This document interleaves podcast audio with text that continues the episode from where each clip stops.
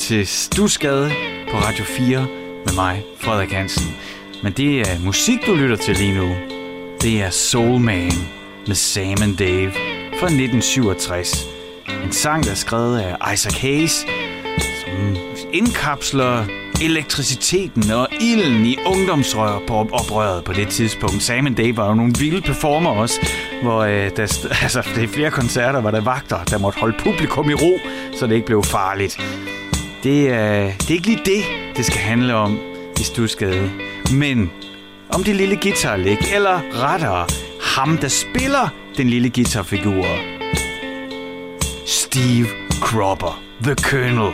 Gitarristen, som, ja, det er nok ikke alle, der lige kender hans navn. Men øh, det er de fleste, der kender den musik, som han har været involveret igennem et helt liv. Altså, den her lille figur var en øjenåbner for mig og indgangen til hans guitarspil. Velkommen til.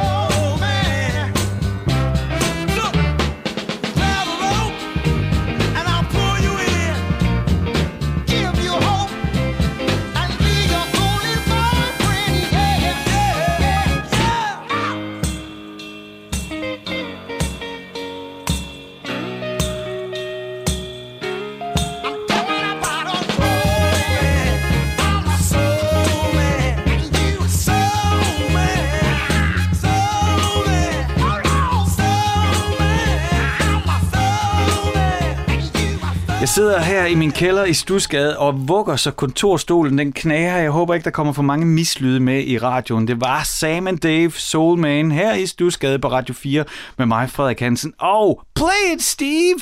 Steve Cropper på guitar. Det handler om Steve Cropper i dag. Det er derfor, vi åbner med det her. Og det her nummer åbnede dørene for mig og Steve Croppers guitarspil. Jeg var sådan en uh, sen teenager, starten af 20'erne, og begærlig for at blive en dygtig guitarist, og dygtig og så finde ud af, hvad er der derude, hvem kan jeg lide? Nå, jeg kan lide Jimi Hendrix, jeg kan lide Eric Clapton, jeg kan lide Jimmy Page, altså de store rockguder, ikke? Men øh, så begyndte jeg også at finde ud af, at men jeg kan jo faktisk rigtig godt lide George Harrison og de små finurligheder, han lavede i Beatles. Og så fandt jeg ud af, da jeg hørte det her, holy, altså håndværkergitar. Altså ikke noget med at stå og spille vilde skalaer øh, på et ben og med gitaren bag hovedet. Nej, bare gå på arbejde murske, ikke? og så spille guitar og levere lige nøjagtigt det, der skal til, og ikke mere. Det, der får bygningen til at hænge sammen, det var det, Steve Cropper gjorde og gør. Han fyldte 80 i sidste uge. Han er stadigvæk en aktiv musiker, og jeg elsker hans spil. Og Stusgade, det handler om den musik, der former os. Mig, dig og mine gæster. Nu handler det altså om en af de guitarister, der i den grad har formet mig, Steve Cropper. Jeg elsker det her nummer, Soul Man og Steve Cropper blev interviewet for nogle år siden og blev spurgt om, hvad er den, den mest udfordrende ting, du har, den mest udfordrende indspilningssession. For det her, altså, og det kommer du til at, at høre den næste halve times tid, det er, det er altså en mand, der har spillet på kæmpe hits og været involveret i alle mulige sammenhænge. Ikke? Han blev spurgt om, hvad er den sværeste session, du har været på? Jamen, den ene siger han så, jamen, det er altså ubetinget Soul Man med Sam øh, and Dave. Og hvorfor? Jo, for det første, han kunne ikke sidde stille, når de spillede. Det og det, kan, det, det her det starter også med, at jeg sidder og vugger i min kontorstol. Ikke? Det er simpelthen så energisk og groovy. Ikke? Så, øh, og hvorfor kunne han ikke så bevæge sig? Jo, det er fordi, det lille slide-stykke, der er inde midt i sangen. Det spillede han uden slide eller noget, men med en sibulejder, han sådan kørte hen over strengene, og han blev nødt til at koncentrere sig, så han ikke spillede falsk, så han skulle sidde helt stille til musik, der bare gik i kroppen, så han skulle kæmpe imod sin egen krop, og så med den her guitar telecaster, og så en sibulejder, og så lave det der lille slide-stykke, som så begejstrede enten Sam eller Dave så meget, at de adlibs så under indspilningerne råber, play it, Steve. Jeg har fundet klippet frem til dig her. Hvis du ikke fangede den første gang, jeg spillede det, så kommer det her. Prøv lige at lytte med. Play it, Steve. Play it, Steve! Ah, det er så fedt. Det er altså sådan en lille bitte ting, ikke? På en Ciboliter, det er så... Øh, ja, pergamentpapirs tyndt et eller andet sted, og fragil, ikke? Det er sådan det er lige før det går i opløsning, men det er det helt, en helt rigtig lille bitte krummelure, der gør, at hele bygningen bliver perfekt. Jeg elsker Steve Croppers guitarspil. Han er, øh, ja, for det, ikke? altså for hans håndværksmæssige tilgang til det. Ikke øh, ekvilibrismen, men lige det, der skal til for at få tingene til at fungere. Han var øh, ni år, da hele familien flyttede til Memphis, og der der blev han introduceret for den sorte kirkemusik, og som han selv siger, blew me away. Det var ligesom med Jerry Lee Lewis og, og Elvis. Ikke? Den der urkraft, der lå i musikken, som blæste dem væk og gjorde, at de blev hvide drenge i en sort mands verden. 14 år gammel får han en guitar, og så begynder han at øve sig og øh, får lavet, starter bandet The Marquis. Faktisk øh, opkaldt efter markisen ude foran øh, Stax Records. Hvor han endte, ja, hvor han for det første, Marquis, de blev signet, og de fik deres første og eneste ja, det er jo altid op til diskussion, ikke? men deres store hit Last Night fik de i 61. Der var han 20 år gammel, men i virkeligheden blev, øh, blev det ikke sådan en solistkarriere, han blev kendt for. Nej, det er som øh, ham, man ringer til, når det hele det skal spille. Både som guitarist, men også som producer. Det skal jeg fortælle dig om mere, men øh, Lad os lytte til 1961, altså en 20 år gammel Steve Cropper med sit band The Marquis og deres hit Last Night.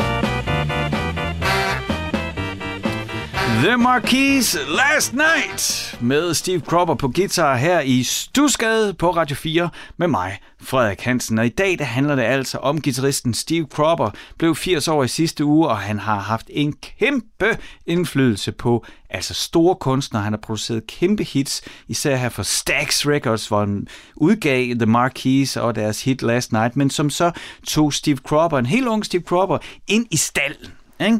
ind og gjorde ham en del af husorkestret. Så man kunne tage forskellige artister, og så øh, ligesom lade Steve samle holdet og finde ud af, hvordan skal det her, øh, den her, øh, det her nummer, hvordan skal det orkestreres. Lad ham arrangere det og få det til at svinge, og det gjorde han i den grad. Rolling Stone Magazine lavede på et tidspunkt sådan en top 100 over de bedste guitarister. Så det er klart, så det er Jimi Hendrix og Eddie Van Halen og hvad de alle sammen hedder. Uh, Satriani, Ingrid Malmsteen, alle de der vilde ekvilibrister, de ligger jo så og kæmper op i top 10. Ikke? Men nede på plads nummer 39, der står der altså Steve Cropper. En mand, som jeg fik sagt tidligere, det er nok ikke de fleste, der er lige sådan, Nå, Steve Cropper, hvem var nu lige han var? Men uh, der er ingen tvivl om, at han har spillet på et nummer, som du kender. Det kan jeg garantere. Det vil overraske mig meget. Og det øh, spiller jeg for dig lige om lidt. For der sker jo som sagt det, at øh, ja, sammen med Marquis får de et hit med Last Night, og så bliver han ansat på Stax Records som A&R manager, mm, altså artisan repertoire, ham der skal finde kunstnere. Men nok i virkeligheden der, hvor han laver den største indsats, det er, at han danner de bands, laver den backing for alle de kunstnere, der er signet på Stax. For eksempel Otis Redding, som han samarbejdede med og produceret for og det er sådan, øh, jamen han kommer ikke udenom det her nummer, ikke? Sitting on the Dock of the Bay har Steve Cropper produceret. Han har også været med til at skrive det. Faktisk øh, er teksten måske virkelig mest skrevet af Steve Cropper, selvom det er Otis Reddings, fordi at Otis havde lejet en øh, husbåd. Han øh, han havde slappet af på. Og, øh, det, det, de der oplevelser delte han med Steve Cropper. Og, og Otis Redding fortæller Steve Cropper, at han var ikke så glad for sådan at skrive tekster om sig selv. Så, så, men Steve han sagde, at det er noget af det der. Så han hjalp ligesom med at sætte sætninger på, sætte lyrik på din, den oplevelse, Otis Redding selv havde haft med Sitting on the Dock of the Bay. Ikke? Så en ting er jo så teksten og sangen, som Steve Cropper var med til. Så er det bare produktionen. Ikke? Han har produceret det her nummer, øh, som er, ja, altså yderste topklasse. Ikke? Og så er det ham, der er på guitar. Og det, som Steve Croppers guitar gør for det her nummer, det er magisk. Altså, vi taler allerede om en verdensklasse vokal, Otis Redding han ligger, og så op imod Jamen altså, små lullerier, rullerier, små melodier, som flyder for Steve Croppers håndværker guitarfingre.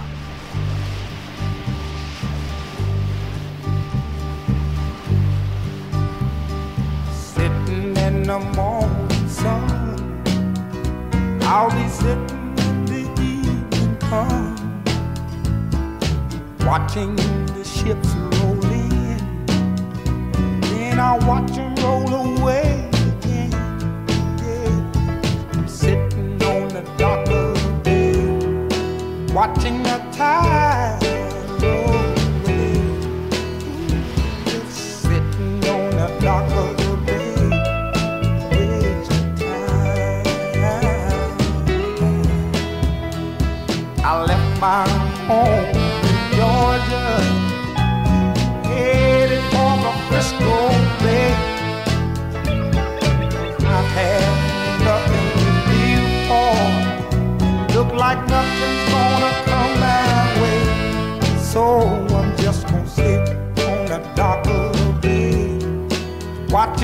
watching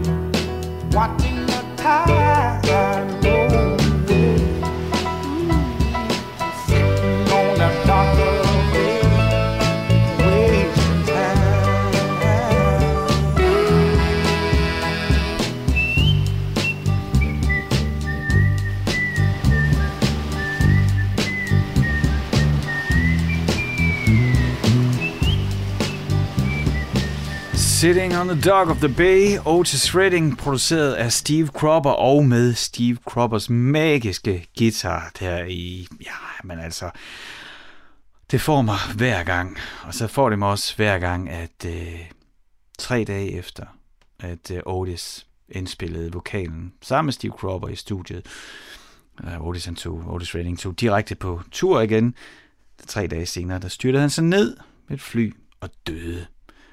Og så var det altså op til Steve Cropper at gøre sangen færdig.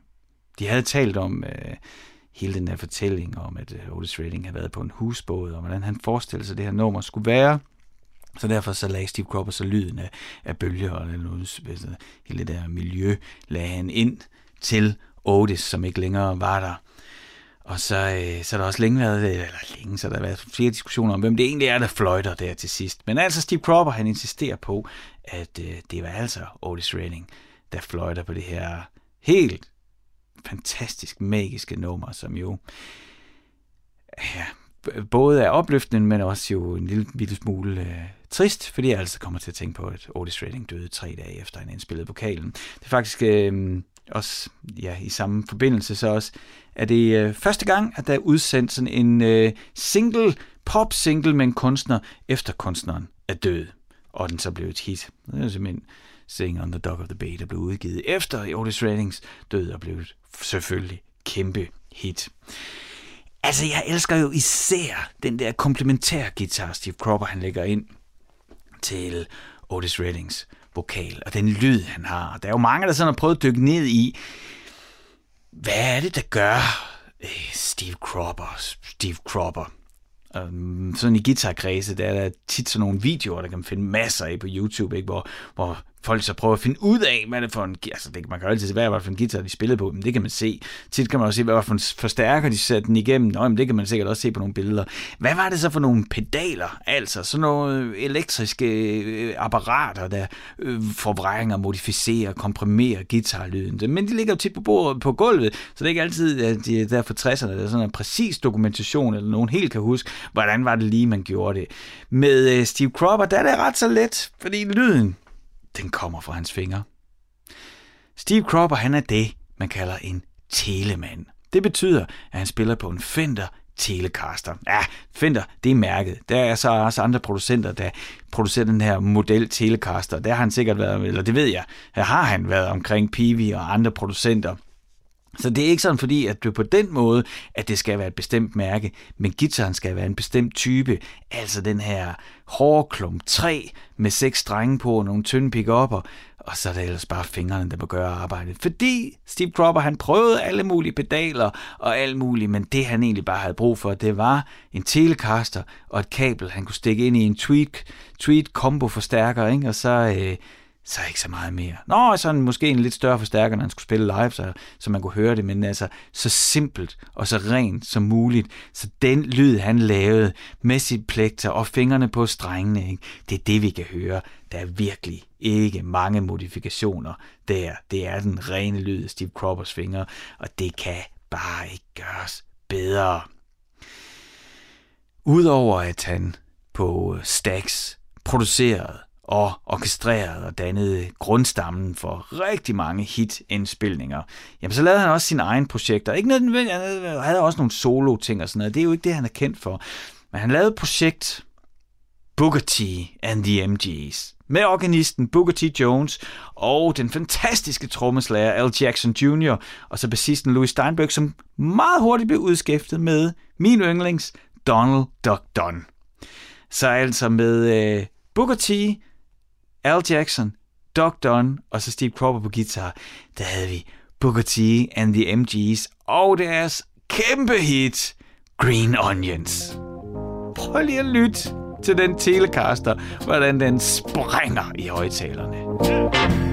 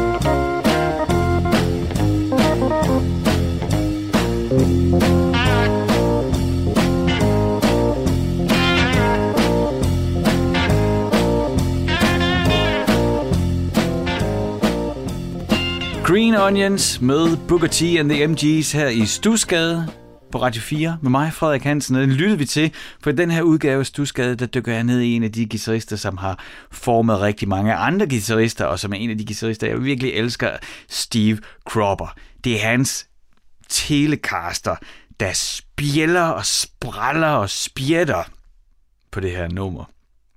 Ja, altså, find mig en indspilning med en bedre lydende telecaster derude. Det kan du ikke, det her. Det er så ypperligt.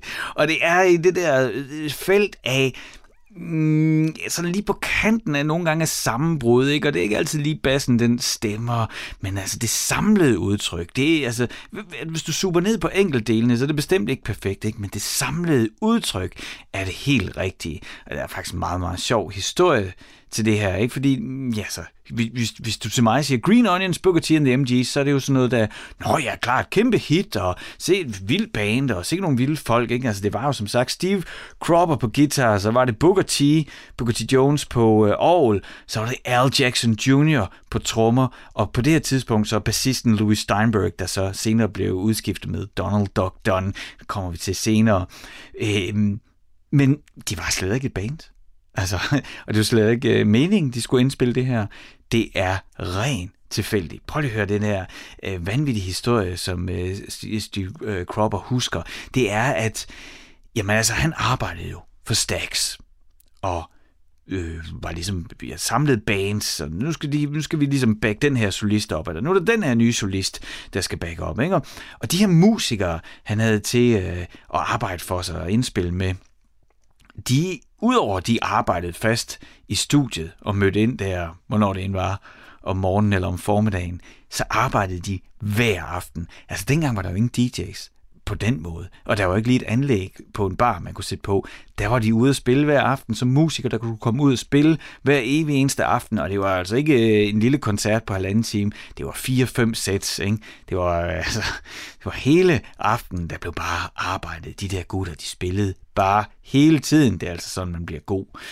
Så øh, de spillede hver aften, og så mødte de så ind øh, i studiet og, for, for at tjene penge der, for at og, og, og lægge deres øh, fingre og instrumenter og, og deres services øh, ja, til rådighed for den solist, der nu skulle indspille på den givende dag.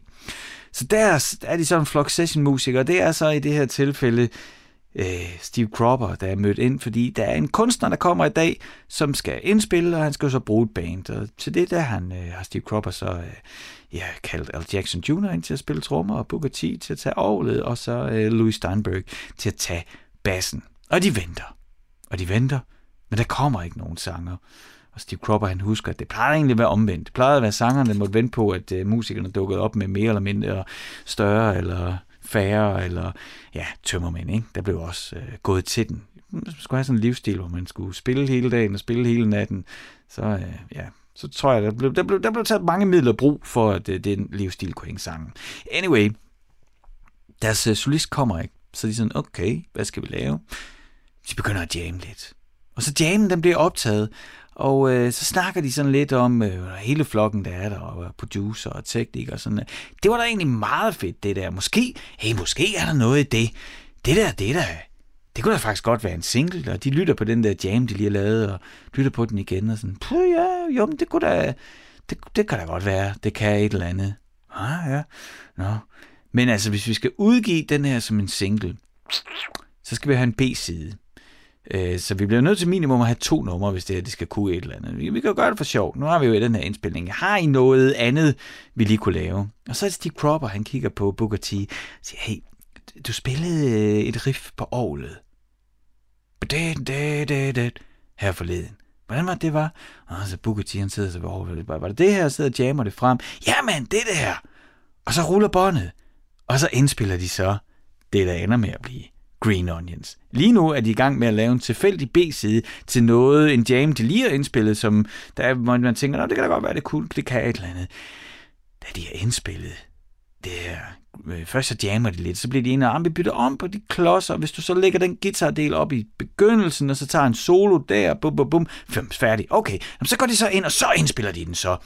Der ligger den så. Green Onions, den har stadigvæk ikke nogen titler, de er ikke noget band, men øh, det lyder da meget fedt, det der. Okay, Ja, men øh, så øh, dagen efter, så lytter Steve Cropper på det igen. det der, det, øh, det var meget godt det første, vi lavede. Men det sidste, det der, den der B-side, det er, det kan altså et eller andet.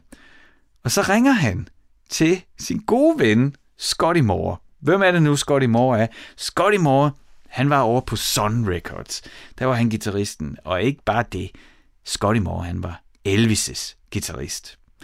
Så øh, Steve Cropper, han tager båndet med over til Scotty Moore, for over øh, ved Scotty, der kan de skære en vinyl. Der kan de lige lave en hurtig engangsskæring af den her indspilning. Spiller, øh, spiller nummeret for Scotty, og Scotty siger, hey, det der, det er ret catchy. Mm, ja, siger Steve, jeg, jeg tror også, det kan noget. Og så laver de så en øh, sådan prøvepres. Og så, hvad, ja, Steve, han tænker, om, jeg har også min ven, øh, der DJ, nede på radiostationen. Han har øh, drive time slottet, altså der, hvor folk kører i bil. Det er jo ikke sådan langt fra, hvor vi sender lige nu på det her tidspunkt. Måske, måske har han lyst til at høre den. Lige høre hans mening. Så tager han derned, går ind i studiet, der bliver sendt, og så mens at øh, DJ'en han sætter en plade på, så bagom, så lytter han på den der prøveskæring, som Steve Cropper er med. Og han øh, lytter 20-30 sekunder, og sådan sådan, aha. Og øh, så sætter han den på, og spiller prøvepresset live i radioen. Og spiller den, når den får den spillet fire gange i løbet af et par dage, ikke? og telefonerne gløder. Og da Steve Cropper, han kommer ned i pladebutikken, så er de bare sådan, hvor får vi fat i folk? De ringer, de vil have det nummer. Og så er der ikke noget at gøre, så, så må han samle flokken og sige, hey, gutter, vi bliver nødt til at finde på et bandnavn, og vi bliver nødt til at finde på nogle titler, og måske er vores B-side i virkeligheden vores A-side. Og så får de øh, diskuteret sig frem til et øh, bandnavn, og øh, B-siden, som jo først var A-siden, den kommer til at hedde Behave Yourself, fordi på et tidspunkt, der kan man høre, øh, altså ikke på selve indspillingen, men på omkring, øh, på randsporene der af indspillingen, der kan man høre Al Jackson råbe, hey, Behave Yourself, Nå, det blev titlen der. Og så må de ligesom finde frem til, øh, hvad skal vores øh, A-siden her så hedde, og så, ja, så, så Louis, eller hvad frøvl, hvad hedder han, øh, mm, Louis Steinberg, ja, nemlig, han siger så noget med onions, og Steve kommer så, ah, onions, det er sådan, det er, green onions, ja, okay. Det er alt sammen tilfældigheder. Men de får stykket den her single sammen med en B-side for den udgivet, og den bliver et nummer et hit og en klassiker i dag. Altså kun fordi, at der var en sanger, der ikke dukkede op i studiet i den dag, og der bare var massiv talent inde i det der indspillingsrum. Nå, der er så mange ting, jeg gerne vil fortælle dig, men altså, det der sker i Steve Croppers liv, det er, at han forlader øh, Stax Records. Han øh, bliver en, øh, en producer, som øh, mange benytter sig af. Øh, Tower of Power, Rod Stewart, Jeff Beck Group, Ringo Starr, John Lennon. Faktisk er der en sjov historie med det med John Lennon. Han ender med at producere øh, John Lennon, men, men mens han var på Stax, så over i London på det tidspunkt, der havde øh, Paul McCartney og John Lennon, de havde godt opdaget, at der foregik noget på de der Stax-plader i USA ville med Otis Redding. Så der blev lagt planer for, at øh, Paul og John skulle til Memphis for at indspille med øh, Steve Cropper, men så, øh, hvad hed han, den gode... Brian Epstein, deres manager, han endte med at aflyse det hele. Han havde sikkert andre planer på drengenes vegne, ikke? men øh, det er da lidt sjovt at tænke på, at der kunne have været noget Beatles, der var produceret af Steve Cropper og ikke George Martin. Jeg vil godt have hørt det. Nå, men i hvert fald, Steve Cropper han flader Stax og øh, producerer alle de her verdensstjerner øh, ja, med i forskellige projekter. Og så midt i 70'erne får han så øh, gendannet Booker T and the MG's. Forfærdelig Al Jackson Jr., der kan tage trommerne. På det her tidspunkt, der bliver, øh, øh der er det så ikke, øh, øh, hvad hedder han, øh, Louis Steinberg på bas, men så er det Doc Dunn på bas. Øh, altså noget for mig sådan indbegrebet af to betonben, solidt plantet, og en piv i munden, og så bliver der altså bare leveret ellers groovy bass. Han ser simpelthen så kedelig ud i forhold til, hvor fedt han spiller. Det er jo selvfølgelig noget pjat at sige, men alligevel, jeg tror, det har en betydning for det, vi arbejder hen imod. Øh, fordi at, øh, ja, det sker jo så det tragiske. Altså, de skal så samle Booker T and the MG's, Doc Dunn på bass, uh, selvfølgelig Booker T på all, Steve Cropper på guitar, den fantastiske trommeslager Al Jackson Jr. på trommer, men så dør han. Han bliver myrdet, Al Jackson. Forfærdeligt. Og så må de ud og finde en anden trommeslager, projektet skal gennemføres, og det bliver så Willie Hall. Og det her, det er lidt vigtigt, ikke? Fordi nu har vi Steve Cropper og Doc Dunn på bas og Willie Hall på trommer. Og de tre, de bliver grundstammen til Blues Brothers. Da Saturday Night Live-karaktererne, ikke? Altså, da skuespilleren John Belushi og Dan Aykroyd, de her komikere, som er på det her øh, øh satire-comedy-format Saturday Night Live, ikke? de laver karaktererne The Blues Brothers. Og der skal de jo bruge et band. Det her det ender med at blive en massiv filmsucces, ikke? En kultobjekt. Og der skal de bruge et band. Og det ender med, at det er Steve Cropper på guitar, og Doktoren på bas, og så er ikke Al Jackson, som jo er død på trommer, men Willie Hall på trommer, som bestemt også kan levere, når, det skal, når han bliver bedt om det. Og så står Steve Cropper der igen og spiller alle de gamle soul-klassikere. Mange af dem har han selv været med til at skrive eller producere eller spillet på tilbage i 60'erne. Nu er det 1980, og så står han med lang skæg og telecaster og leverer endnu en gang de samme klasser, klassikere, bare fortolket gennem øh, Dan Aykroyds mundharpe og vilde benspjætdans. Og så selvfølgelig, altså, ja, han er jo desværre ikke mere. Den guddommelige, komiske, vilde karakter. Øh, altså, en krop af komik. John Belushi. The Blues Brothers. One, two, one, two, three, four.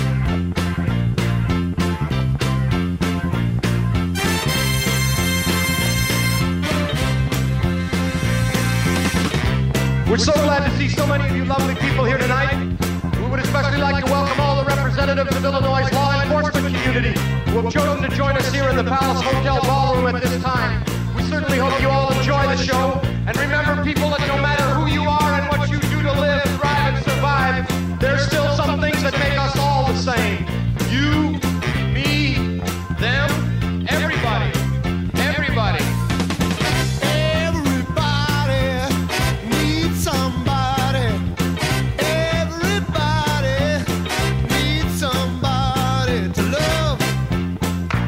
Someone to love. Someone to love. Sweetheart to miss. Sweetheart to miss. Sugar to kiss. Sugar to kiss.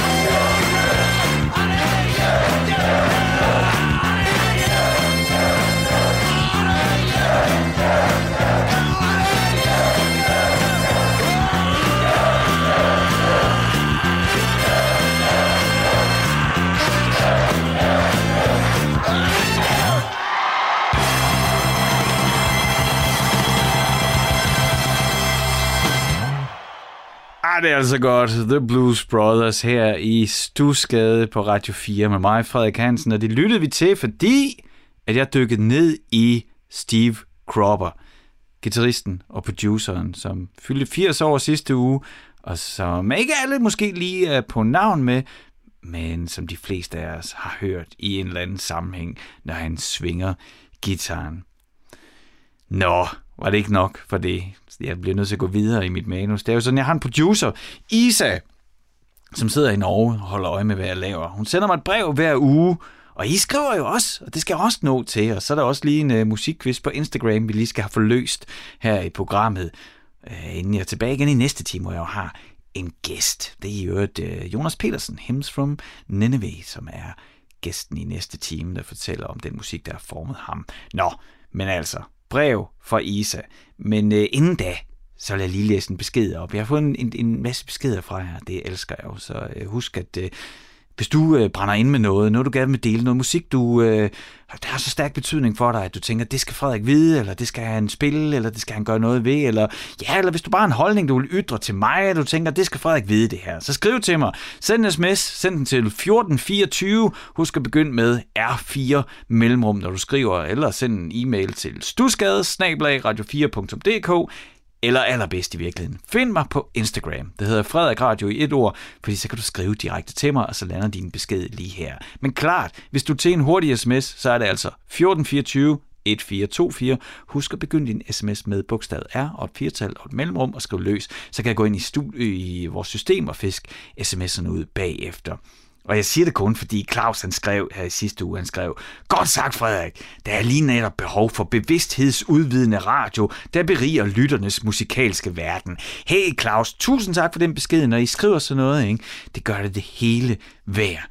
Ja, det er også meget dejligt at få løn, ikke? men altså øh, i den, øh, ja, den grad, jeg bliver den grad glad, når jeg kan mærke, at der er nogen derude, der også deler min begejstring for musikken. Og så skriver Claus, PS, hej Isa, Perfekt overgang til at læse brevet fra Isa. Kære Frederik, skriver Isa, altså min producer. I aften har jeg sidste arbejdsdag på den café her i Sandane, hvor jeg har arbejdet i de måneder, vi har boet i Norge. På søndag kører vi hjem mod Danmark igen efter syv vilde måneder mod nord. Norge er så vidunderligt smukt, og jeg kommer til at savne at stå op og kigge ud af mit vindue og se fjellene tårne sig op over den dybe fjord. Og jeg kommer til at savne det stille og døse caféliv, duften af friskværnede espressobønner og hjemmebagte kanelsnore. Og jeg kommer til at savne cafémusikken, den der easy listening playliste alle caféer har.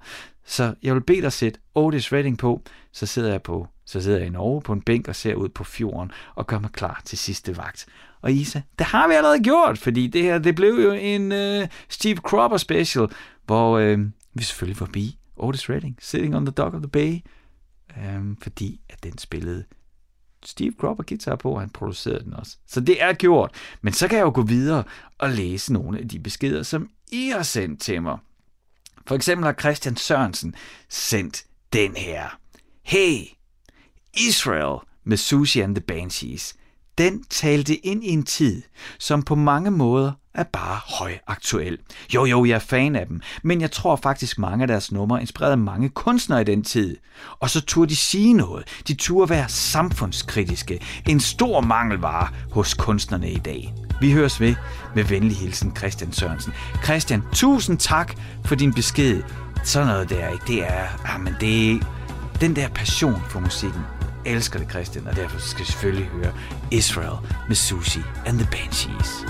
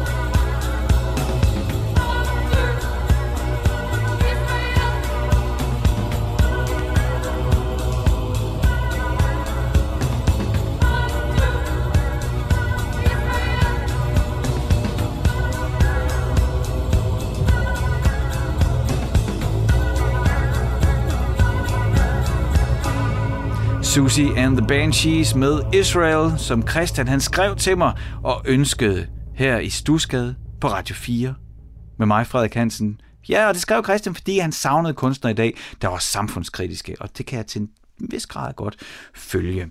Husk, at hvis du har lyst til at skrive til mig, jamen, så find mig på Instagram. Frederik Radio i et ord skal du søge på, så kan du skrive direkte til mig. Altså Frederik Radio i et ord Følg mig og skriv direkte til mig. Det er det letteste. Ellers så send en sms. Send den til 1424 1424. Husk at begynde den med R4 mellemrum, og så skriv eller send en e-mail til stusgade radio4.dk. Det har øh, Rose og Nora gjort. De sendte en sms, hvor der står, Hej, du er en idiot, og du skal følge noget mere med. Olivia Rodrigo. Og det er fordi, at der er jo en musikquiz her i programmet hver uge. Hver uge laver Isa en musikquiz, og jeg plejer at gætte den. Men sidste uge, der fejlede jeg, for der var jeg bare i den grad på udebane. Det gjorde jo så øh, til gengæld, at øh, jeg har lært Olivia Rodrigo at kende, og især den der Brutal, den har jeg hørt på mange gange. Og da jeg fejlede, jeg kom jeg vist til at sige, at hvis I synes, jeg var en idiot, så skal vi bare skrive, og den chance greb Rosa og Nora, så tak for det. Jeg inviterede jo selv til det. Skal vi tage øh, den her uges musikquiz? Som sagt, så ligger den øh, på Frederik Radio inde på Instagram, Frederik Radio, men øh, du får også ledetrådene her, så kan du se, om du kan gætte det, eller om jeg kan gætte det, og hvad det er, Isa hun tænker på i den her uge. Det er sådan, jeg får det, får de her fem ledetråde i mit manus, og så nederst er der en sort bjælke. Der er svaret under, så jeg skal bare fjerne den sorte bjælke, så kan vi se, om vi har gættet det. Okay, her kommer ledetråd nummer et. Der er ikke kommet ny, der er ikke kommet ny musik fra ham i fem år, men i år lancerede han et luksus smykkebrand med navnet Homer eller Omer. I don't know. Det siger mig ingenting. Han startede sin mainstream karriere som en del af det omdiskuterede hip-hop-kollektiv Odd Future. Oh, jeg ved ingenting her. Ej, jeg er totalt på udebane. Det er i hvert fald ikke Steve Cropper, der er svaret. Nå. Tredje ledetråd. Hans debut mixtape blev modtaget med stor succes. Sangene Nostalgia og Swim Good er fortsat nogle af hans største hits. Oh, jeg tror, det her det bliver en af de pinlige igen, hvor jeg er helt blank. I 2012 offentliggjorde han i et skriv på mediet Tumblr, at han var til mænd. Altså, der skal jeg bare lige sige, at alt sådan noget med luksusbrands, og ja, se og høre historier seksualitet og alt sådan noget, det har jeg utrolig ringe interesse for. Altså, så det hjælper mig aldrig. Men måske du ved det. I er helt sikkert nogen derude, der ved det. Og kommer sidste ledetråd. Hans åbenhed om sin seksualitet er senere blevet beskrevet som en stor dag for hiphop-miljøet, der i mange år er blevet kritiseret for at være homofobisk. Isa... Øh, hvor fanden? Hun fik mig igen. Jeg kan ikke gætte det. Har du gættet det? Altså, jeg tror... Øh, uanset hvor meget jeg tænker over det her, så, øh, så kommer jeg ikke øh, tættere på svaret. Nu fjerner jeg bjælken, så kan vi se, hvem det er. Ah, Frank Ocean. I det mindste er det en kunstner, jeg kender men ikke godt nok til at kunne gætte det. Nu er det så heldigt, at øh, det her program lige nu, det er ikke live. Det er noget, jeg optager på forhånd. Så nu kan jeg stoppe min optagelse, og så finde Frank Ocean nummer på, og sætte det på lige her. Round your city, round the clock. Everybody needs you. No, you can't make everybody equal. Although you got buku family, you don't even got nobody being honest with you. Breathe till I evaporate. My whole body see through, transportation handmade. And I know it better than most people. I don't trust them anyways. You can't break the law with them. Get some good she have a calm night. Shooters killing left and right working through your worst night. If I get my money right, you know I won't need you. And I tell you, I hope the sack is full up. I'm fucking, no, I'm fucked up. Spend it when I get that. I ain't trying to keep you. Can't keep up a conversation. Can't nobody read you. Why your eyes well up? Did you call me from a seance? You were from my past life. Hope you're doing well, bro. I've been out here head first, always like the head first. Signal coming in and out. Hope you're doing well, bruh. Everybody needs you. Everybody needs you. Ooh, 90 This feel like a quaalude. No sleep in my body. Ain't no bitch in my body. Ah, New beginnings. New beginnings. Wake up high, the sun's going down. Time to start your day, bro. Can't keep being late on. Know you need the money if you gon' survive. Every night, shit, every day, shit. Dropping baby off at home before my night, shit. You know I can't hear none of that. Spend the night, shit. Kumbaya, shit. Wanna see Nirvana, but don't wanna die, yeah. Wanna feel that night, I don't come by. Fuck after shit. Know oh, them boys wanna see you broke down and shit. Bummed out and shit, stressed out and shit. That's everyday shit. Shut the fuck up, I don't want your conversation. Rolling marijuana, that's a cheap vacation. My everyday shit, every night shit, everyday shit.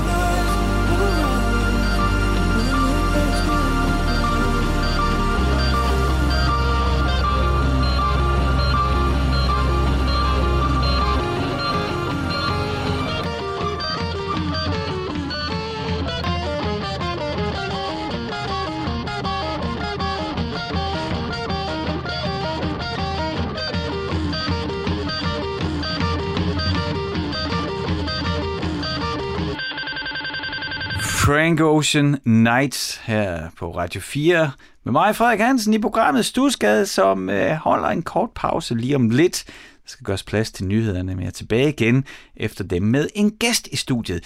Det er Jonas Petersen, Hems from Nineveh, som er gæsten i Stusgade den her uge til at komme og fortælle om, hvad det er for noget musik, der har formet den musik, han selv laver. Det glæder mig rigtig meget til. Husk, du kan altid finde alle de andre Stusgade udsendelser ind på vores hjemmeside radio4.dk, eller du kan jo podcaste dem, der hvor du normalt henter din podcast. Der ligger plus 40 programmer og samtaler og venter på dig, hvis det er sådan, du ligesom jeg elsker musikken og har lyst til at dykke ned i nogle af dens hjørner og afkroge. I dag var det Steve Cropper, vi kiggede på. Men nu er det nyhederne lige her på Radio 4.